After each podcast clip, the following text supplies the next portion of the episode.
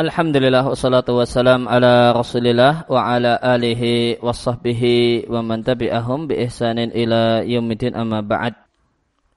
Kaum muslimin jamaah salat maghrib masjid al-asri Pokong Raja dan pendengar radio muslim rahimani wa rahimakumullah. Sebelum kita lanjutkan membaca wasail mufidah lil hayati sa'idah eh, kemarin di halaman 89 ada beberapa kosakata yang kita lewati maka perlu dan sedikit kita ulangi. Di disampaikan oleh salah seorang penulis barat tamma ibtikaru majalin jadidin muthirin min majalati ilmi nafsi. Ya, telah ada penemuan dalam uh, ibtikar penemuan majal jadid orang yang baru yang ya, menarik musir. Musir itu mana? Asalnya membangkitkan. Oleh karena itu revolusi bahasa Arabnya thawrah. Ya. musir yang menarik min majalatil ilmi nafsi dalam aspek atau bidang ilmu psikologi yaitu penemuan atau ya, prinsip baru dalam ilmu psikologi tidaklah berupaya untuk menghilangkan semua sampah-sampah masa silam, nafayat itu sampah. Atau ya. Kama annahu la yu'idu sebagaimana tidaklah kemudian mengulangi mengembalikan nasyra tentu menyebarluaskan nasyaratil khasaf. Ini, ini kalau makna letterleknya nasyarah artinya serbuk gergaji khasab tentu kayu. Antar kil azfi dengan cara menjauhkan dan menghilangkan problem-problem masa silam. Mungkin itu uh, ungkapan aja. Yang intinya adalah tidak kemudian mengungkit-ungkit uh, problem masa silam.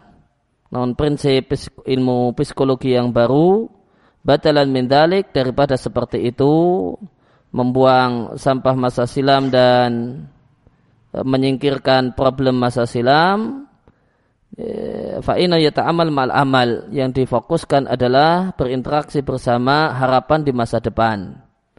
Artinya layurokis alal muskilah metode yang baru dalam ilmu psikologi adalah tidak fokus pada problem wa inna mayurokis alal hal atau alal, uh, alal hal namun fokus pada solusi. Kalau dibaca hal artinya solusi, karena hal itu makna asalnya adalah mengurai. Dan kalau hil artinya halal.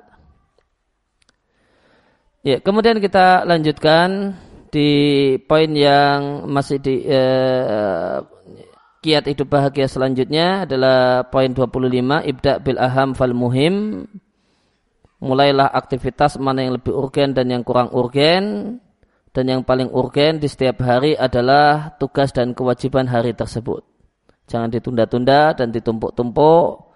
Ya, sehingga kemudian setelah kemudian ditumpuk nanti banyak akhirnya orang kemudian menyerah kalah dan tidak mampu. Ya, kemarin matanya telah kita baca.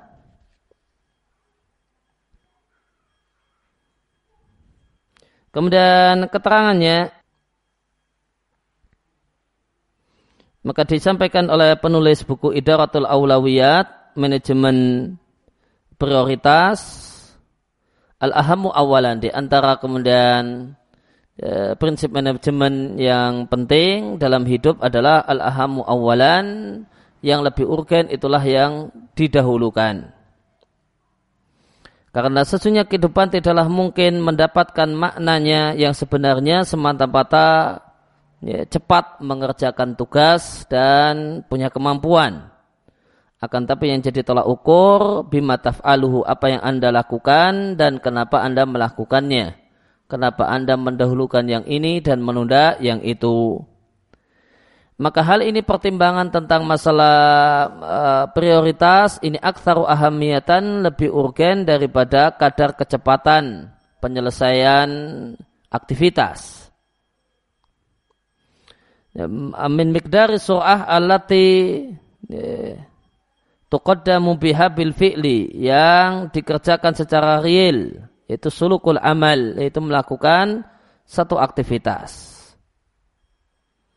Ya, maka itu lebih urgen Ya, maka pertimbangan manakah yang harus diprioritaskan kemudian itulah yang direspon itu lebih urgen daripada sekedar selesainya satu tugas dan aktivitas.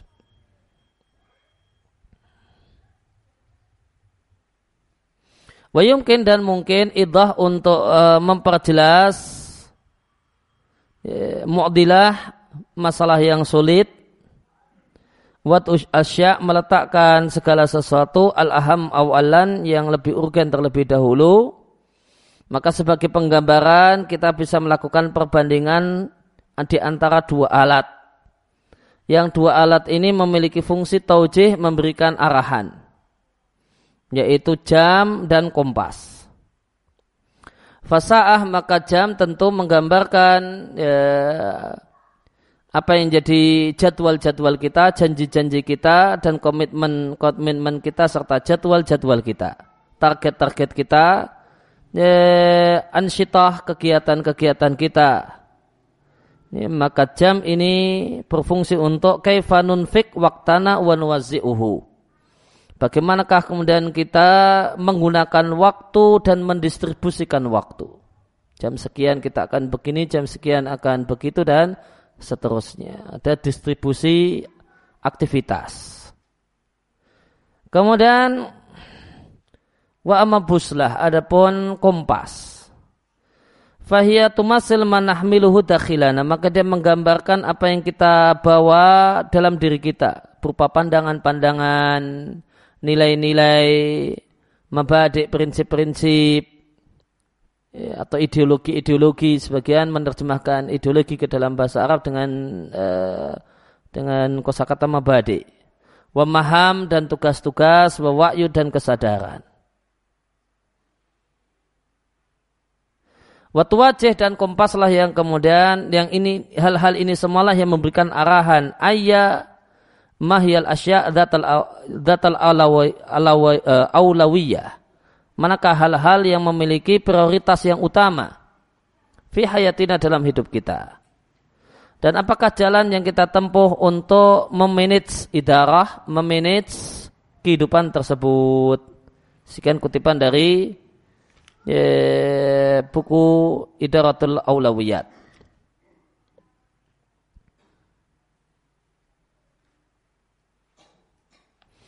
Kemudian ada uh, nulahid maka kita perhatikan bahasanya penulis buku di atas mendiskusikan dua cara pandang yang populer di barat.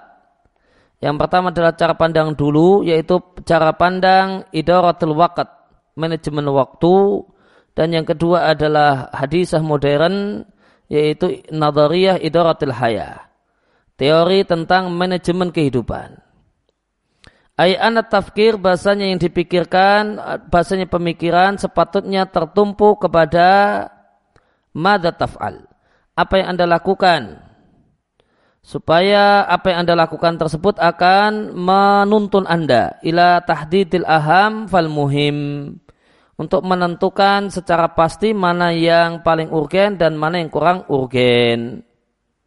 Maka di sini disampaikan dalam di di barat berkenaan dengan manajemen itu ada ada dua cara pandang dulu yang difokuskan adalah idaratul wakat.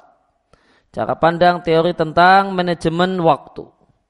Ya, manusia yang sukses adalah orang yang pandai memanage waktunya. Kemudian teori baru mengatakan bahasanya manusia yang sukses adalah orang yang punya idaratul hayat, memanage kehidupannya. Ya, yang dimaksud dengan memanage kehidupannya ini adalah orang yang punya kemampuan untuk menentukan skala prioritas. Itulah manusia yang sukses. Bukan hanya sekedar memanage waktu, namun memanage hidupnya. Mana yang lebih urgen dan mana yang kurang urgen. Wal husrah dan satu hal yang uh, disesalkan di antara keluarga kita, kawan-kawan kita, la yujad ladaim hadasira aslan Tidaklah kemudian dijumpai pada mereka konflik ini sama sekali. Bain ayin nadariyah di antara dua teori di atas.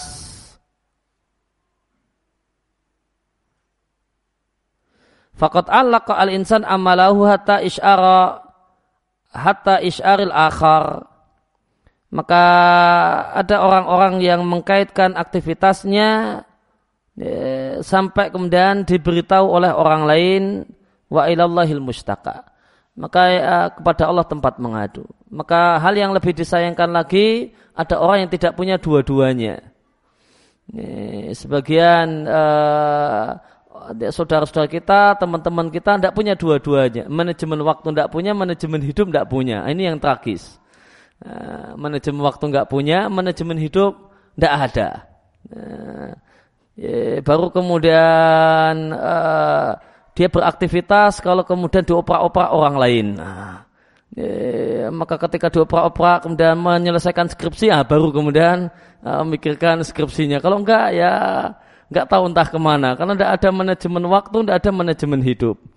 Hidupnya tidak dimanage, waktunya juga tidak dimanage. Ya, ya nanti kalau kemudian orang lain pada ribut, nah ini baru kemudian ikut ribut. Kalau orang lain enggak ribut, ya santai-santai saja. Karena tidak ada idoratul wakat, tidak ada manajemen waktu, tidak ada manajemen hidup. Nah ini yang lebih tragis. Ya, orang yang hidup tanpa dua hal di atas. Ya, tidak ada manajemen waktu, tidak ada manajemen hidup. Ya, hidupnya asal saja. Hidupnya asal-asalan saja. Ini ini yang ya, disampaikan di sini inilah yang tragis. Ini suatu musibah. Fa'ilallahil mustaka. Hanya kepada Allah subhanahu wa ta'ala kita mengadukan musibah yang menimpa pada banyak orang semacam ini. Maka maka hidup yang bahagia manakala orang itu punya prioritas dalam skala prioritas dalam hidupnya. Ya, apa apa yang kemudian dia harus sibuk saat ini. Jangan kemudian dia sibuk sesuatu yang sebelumnya sepatutnya dia tidak perlu sibuk uh, saat ini. Orang yang punya waktu sekarang untuk sibuk belajar, maka sibuk di belajar. Jangan kemudian sibuk bisnis, akhirnya tidak pernah belajar. Nah, yang dipikirkan persiapan nikah, persiapan nikah, nah, uh, padahal kemudian waktu yang dia miliki adalah waktu untuk belajar. Nah, ini satu hal yang tidak benar. Ini, ini sikap yang manage, uh, memanage kehidupan yang tidak benar. Ketika seorang itu punya waktu kesempatan untuk belajar, maka maksimalkan untuk belajar. Kemudian sudah waktunya untuk kemudian mikirkan bisnis baru kemudian mikirkan bisnis. Jangan kemudian waktu belajar malah mikirkan bisnis. Setelah bisnis kemudian bingung kok nggak belajar. Ya uh, kemudian uh, wallahu a'lam nampaknya sampai di sini. Uh, ini sampai di sini matan wasail mufidah lil hayati sa'idah. Sampai kepada poin 25. Eh, Kemudian poin 26 dan seterusnya adalah tambahan dari uh, uh, ya, dari pensarah dari Dr. Yusuf Al-Huzaim. Maka beliau tambahkan di poin yang ke-26 di antara sebab hidup bahagia adalah berolahraga. Wah, ini motivasi untuk futsal ya. Memarasatu riyadah, ya, ya, melakukan olahraga. Yakul Syekhuna Ibnu Sa'di Ibnu Sa'di rahimahullah taala di kitab beliau yang lain bukan di Wasail Mufidah di Riyadun Nadhirah wal Hadaik Nayyirah Az-Zahirah fil Aqaid wal Funun Al-Mutanawiyah wal Fakhirah.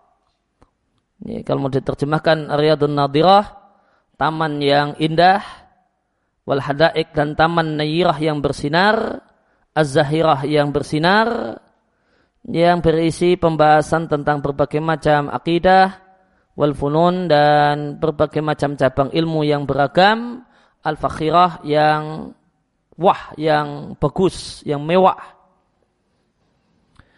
Beliau kemudian beliau punya perkataan di kitab beliau ini firyadah tentang masalah olahraga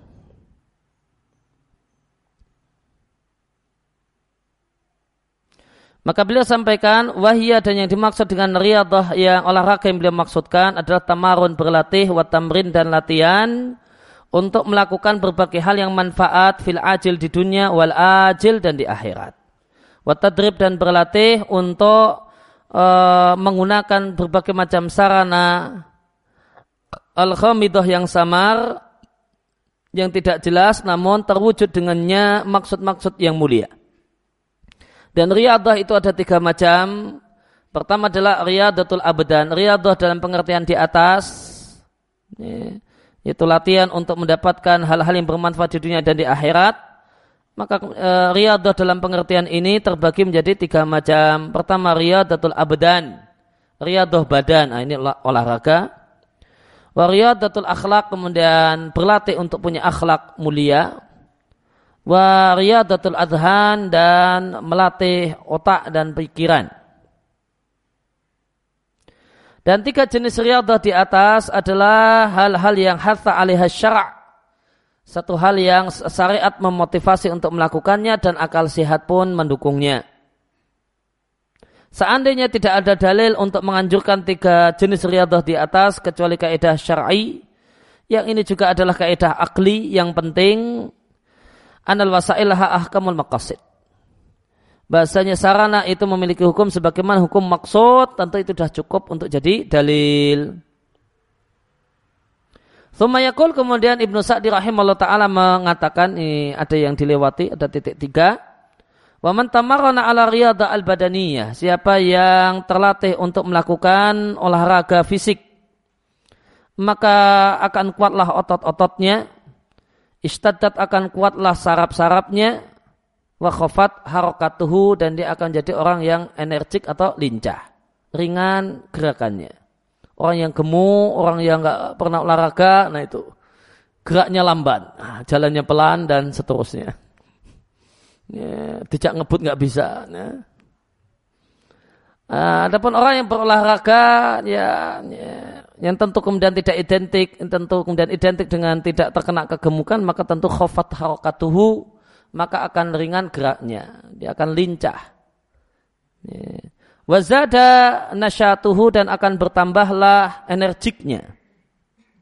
Wastahdasa kuatan ila kuwatihi dan akan bertambahlah akan ada satu hal yang baru kekuatan yang baru di samping kekuatan sebelumnya yang dengan kekuatan tersebut bisa dia manfaatkan untuk melakukan berbagai macam aktivitas yang manfaat ya karena olahraga fisik adalah termasuk sarana yang dimaksudkan li ghairiha la li nafsiha dia adalah sarana untuk mewujudkan maksud-maksud yang mulia dan bukan tujuan.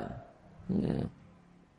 Nanti kalau orang yang mania olahraga, ah, ini sudah uh, sudah kemudian uh, menempatkan olahraga tidak pada tempatnya. Dia menjadikan olahraga sebagai tujuan itu sendiri.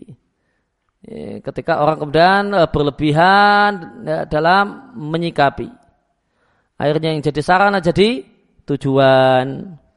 Ya, seorang muslim menyikapi olahraga menempatkannya sebagai sarana. Sarana untuk bisa terwujudnya badan yang sehat, kemudian bisa e, beraktivitas untuk hal-hal yang taat, yang bernilai taat.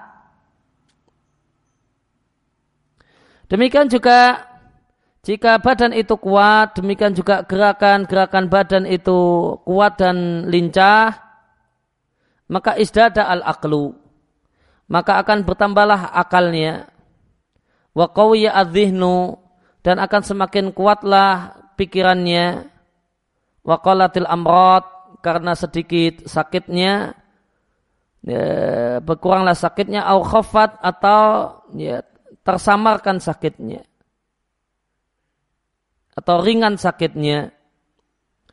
Dan dengan olahraga maka seorang itu tidak membutuhkan berbagai macam obat. Yang ini dibutuhkan atau bahkan menjadi kebutuhan yang vital bagi orang yang tidak berolahraga. Maka dengan berolahraga tentu kemudian badan sehat, secara umum demikian, maka dia tidak perlu harus uh, mengkonsumsi berbagai macam obat yang ini harus dikonsumsi atau perlu dikonsumsi oleh orang-orang yang tidak berolahraga. Intaha, sekian kutipan Sayyidina Sa'di rahimahullah ta'ala. Nah, kemudian penjelasan tambahan ya, dari ya, penulis Yusuf Al-Huzaim maka olahraga fisik la tu'atu tidaklah terhitung sarana untuk mewujudkan tujuan semata. Tidak hanya semata-mata sarana untuk mewujudkan tujuan. Non jadilah olahraga di zaman ini dorurotan sebagai kebutuhan vital. Di zaman ini. Kenapa jadi kebutuhan vital di zaman ini dan bukan kebutuhan vital di masa silam? Ya, karena di zamannya adalah zaman zaman yang kolat fihil harokatul insan. Ya, gerak manusia itu demikian sedikit. Ya, gerak manusia, gerak badannya itu sangatlah sedikit. Apa-apa naik motor dulu jalan kaki. Dulu jalan kaki. Kata ibu saya, simbah saya itu jalan kaki dari Kulon Progo Pengasih untuk uh, sampai ke Pasar Keranggan katanya. Ya, padahal dari Kulon Progo jalan kaki. Ya, karena simbah saya itu pedagang. Nah, dulu jualan dari Pengasih ke Kendetan menuju Purworejo sana jalan kaki.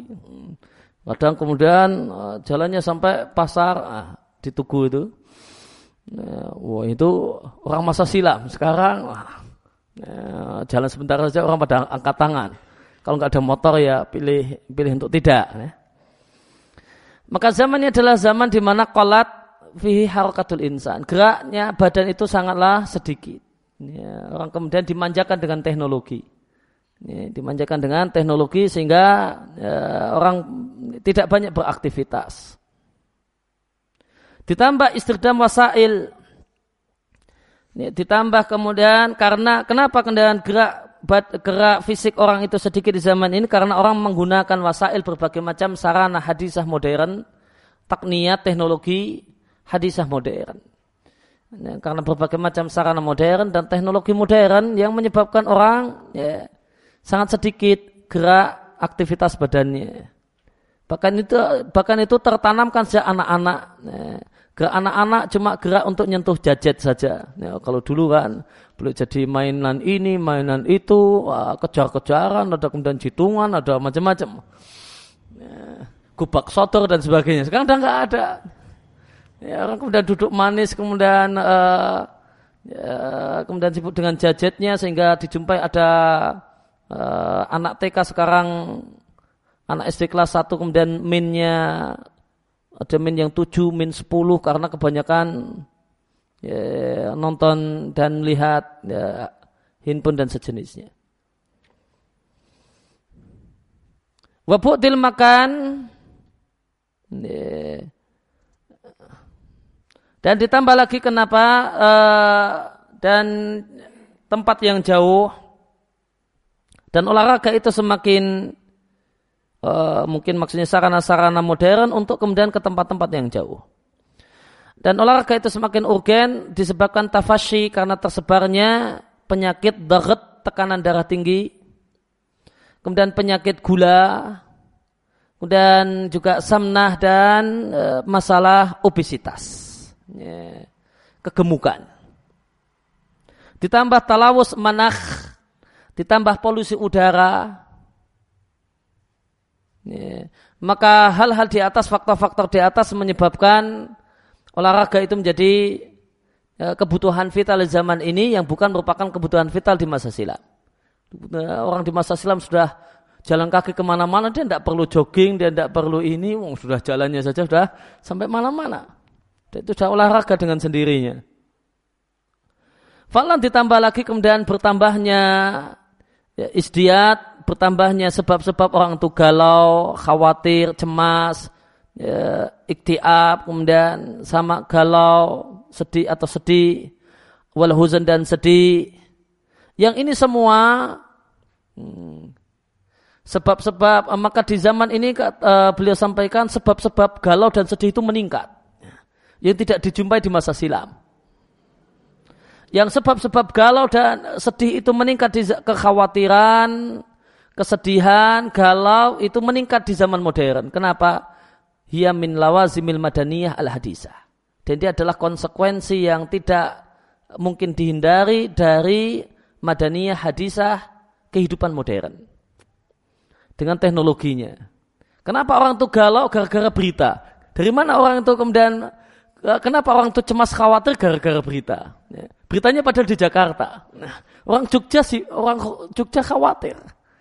Ah, orang itu kejadiannya di Jakarta. Nah, kenapa orang Jogja khawatir? Gara-gara apa? Gara-gara sarana-sarana modern. Ya. Mungkinkah itu terjadi di zaman simbah-simbah kita? Orang Jogja kemudian galau gara-gara masalah di Jakarta? Tidak mungkin. Mereka hidup nyaman-nyaman saja. Ya, maka sumber-sumber galau itu meningkat di zaman modern. Ya, disebabkan kemudian sarana uh, komunikasi, sarana kemudian uh, yang tambah maju.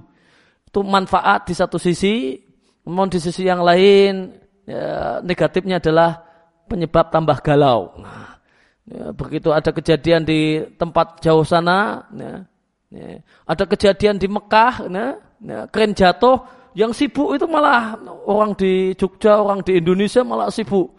Jamaah hajinya malah santai-santai saja kita nggak dengar apa-apa. yang galau, yang pusing, yang cemas, yang tidak bisa tidur itu keluarga ya, keluarga di Indonesia. Yang sana malah bisa tidur, yang sana uh, makan enak. Kenapa? Nggak tahu berita. Ya. Malah nggak tahu berita.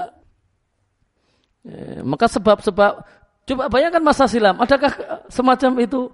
galau karena keadaan jamaah uh, jamaah haji di sana, enggak. Ya, maka karena perkembangan teknologi karena ini ini konsekuensi dari madaniyah, kehidupan modern. Ya, konsekuensinya kehidupan modern, kemudian kemajuan uh, komunikasi dan uh, informasi. Nah, ini meningkatkan uh, bertambahnya sebab-sebab kekhawatiran, galau, cemas. Nah, itu meningkat di zaman ini. Karena alasan-alasan di atas maka jadilah riadah, olahraga fisik adalah satu hal yang urgen. Dan siapa yang meninggalkan olahraga kemudian punya dampaknya maka janganlah dia salahkan siapa-siapa kecuali dirinya sendiri. Kemudian terjadi hal-hal yang tidak diharapkan. Ya.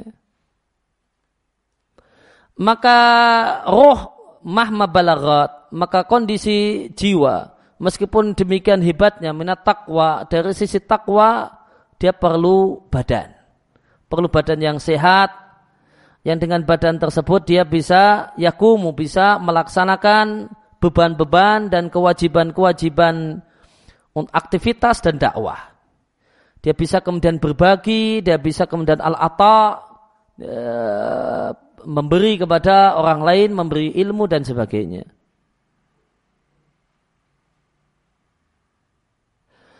Uh, laisa hadza fahasbu. Dan itu tidak hanya cukup di sini saja. Bahkan labu dalil jismi badan harus juga punya kemampuan untuk membela diri. Fi muwajah tahdid untuk menghadapi ancaman lingkungan. Wal a'rad al wabaiyah dan wabah. Wal wahsyatin fardiyah eh, dan wahsyah ketidaknyamanan individu. Ini berkenaan dengan galau tadi. Wa al hadarah wal madaniyah al hadisah peradaban dan kemodernan ya, ya, wal madaniyah dan kemodernan kehidupan modern. Kemudian sebagai bukti bahasa ini adalah satu hal yang urgen, maka disampaikan oleh penulis ilaika berikut ini satu eksperimen yang asbatatha yang eksperimen ini dibuktikan oleh satu e, studi, satu penelitian yang ditujukan kepada mahasiswa Universitas Harvard. Penelitian tahun 1962. Maka peneliti itu melakukan pengawasan e, rokoba me, memperhatikan kondisi kesehatan dari 17 ribu e, khirits alumni Universitas Harvard di Amerika dan ini e, dipantau selama rentang waktu tertentu. Wakat wujidah an-nata'ij ataliyah dan setelah rentang waktu tersebut, boleh jadi 5 tahun, 10 tahun, normalnya penelitian demikian, maka hasilnya adalah sebagai berikut. Ya, maka orang yang kemudian wazafu rutin membakar 2000 gula darahnya. Ya,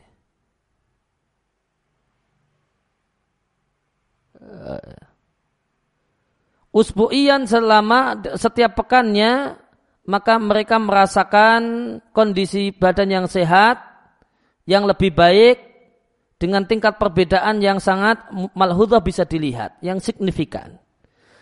Dibandingkan dengan mereka-mereka yang membakar kurang dari 500. Wan dan dan rendahlah ma'dal persentase tertimpanya mereka terkena penyakit berkenaan dengan pembuluh darah. Yang ini turun bisa sampai sepertiganya. Dan demikian juga persentase terkena penyakit syaraton, kanker, akal min ghairihim. Ya, peluang untuk terkena kanker kurang daripada yang lain. Dengan persentase ya, 20% takriban kurang lebih. Bahkan mereka menampakkan inkhifadhan tofifan berkurangnya namun berkurang yang sedikit fi'tidat al-wafiyat tentang jumlah orang yang mati, yang wafat. Natijah sebagai dampak dari lil hawadis, kecelakaan lalu lintas, atau kondisi intihar bunuh diri. Ya, maka kemudian dinilai bahasanya olahraga punya pengaruh kepada kondisi psikologis sehingga mengurangi kemudian peluang untuk ya, bunuh diri yang itu satu hal yang banyak di dunia barat Demikian juga tentu di antara sebab ya, ke, kecelakaan lalu lintas adalah keadaan psikologi pengguna kendaraan yang karena kemudian kondisi psikologinya baik dan ini dinilai karena sebab olahraga ya, maka menyebabkan berturunnya kematian karena uh, karena faktor kecelakaan lalu lintas karena sebab kondisi uh, psikologi pengguna jalan. Sedangkan arijal orang-orang yang rutin ala ya, taroyut, rutin olahraga, dijumpai bahasanya mereka itu kualitas tidurnya lebih bagus daripada yang tidak rutin berolahraga. Sebagaimana mereka mengalami kadar yang lebih sedikit dari tawatur ketegangan pikiran.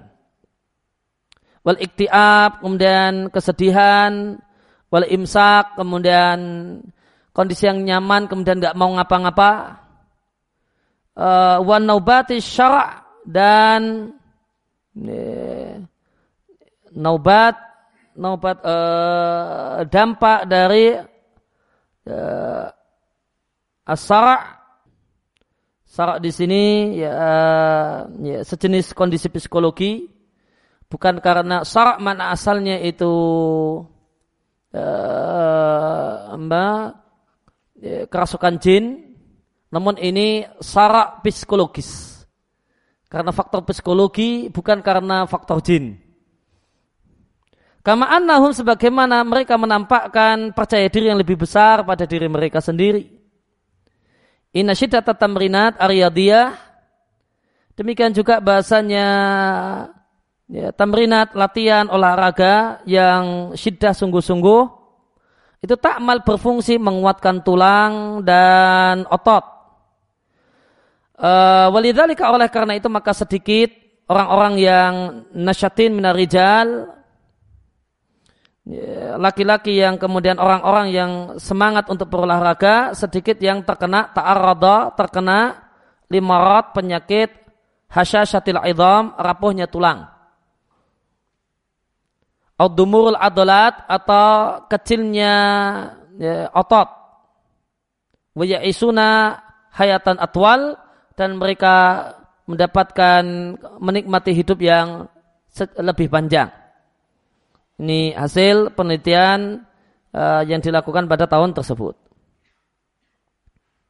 Wa amma bi khususid duhut al asabiyah. Adapun secara khusus berkenaan dengan masalah tekanan saraf. Maka fakat uh, koronat dirosah maka satu penelitian dirosah melakukan perbandingan yang penelitian ini dilakukan di Universitas ya, Janub California, California Selatan, antara sekelompok orang yang hidup dan selama hidup dia mengkonsumsi muhadiat, obat penenang, dan tidak melakukan tamrinat ariyadiyah, tidak melakukan aktivitas olahraga. Dikomparasikan dibandingkan dengan sekelompok yang lain yang melakukan aktivitas olahraga dan tidak pernah dan tidak mengkonsumsi obat penenang. Fakanat al-majmu'ah al-akhirah maka maka kelompok yang kedua yang rajin berolahraga dan tidak minum obat penenang itu lebih banyak nyantainya. Istikha Eh, nyantai hidupnya itu lebih lebih banyak dan problem psikologinya lebih sedikit.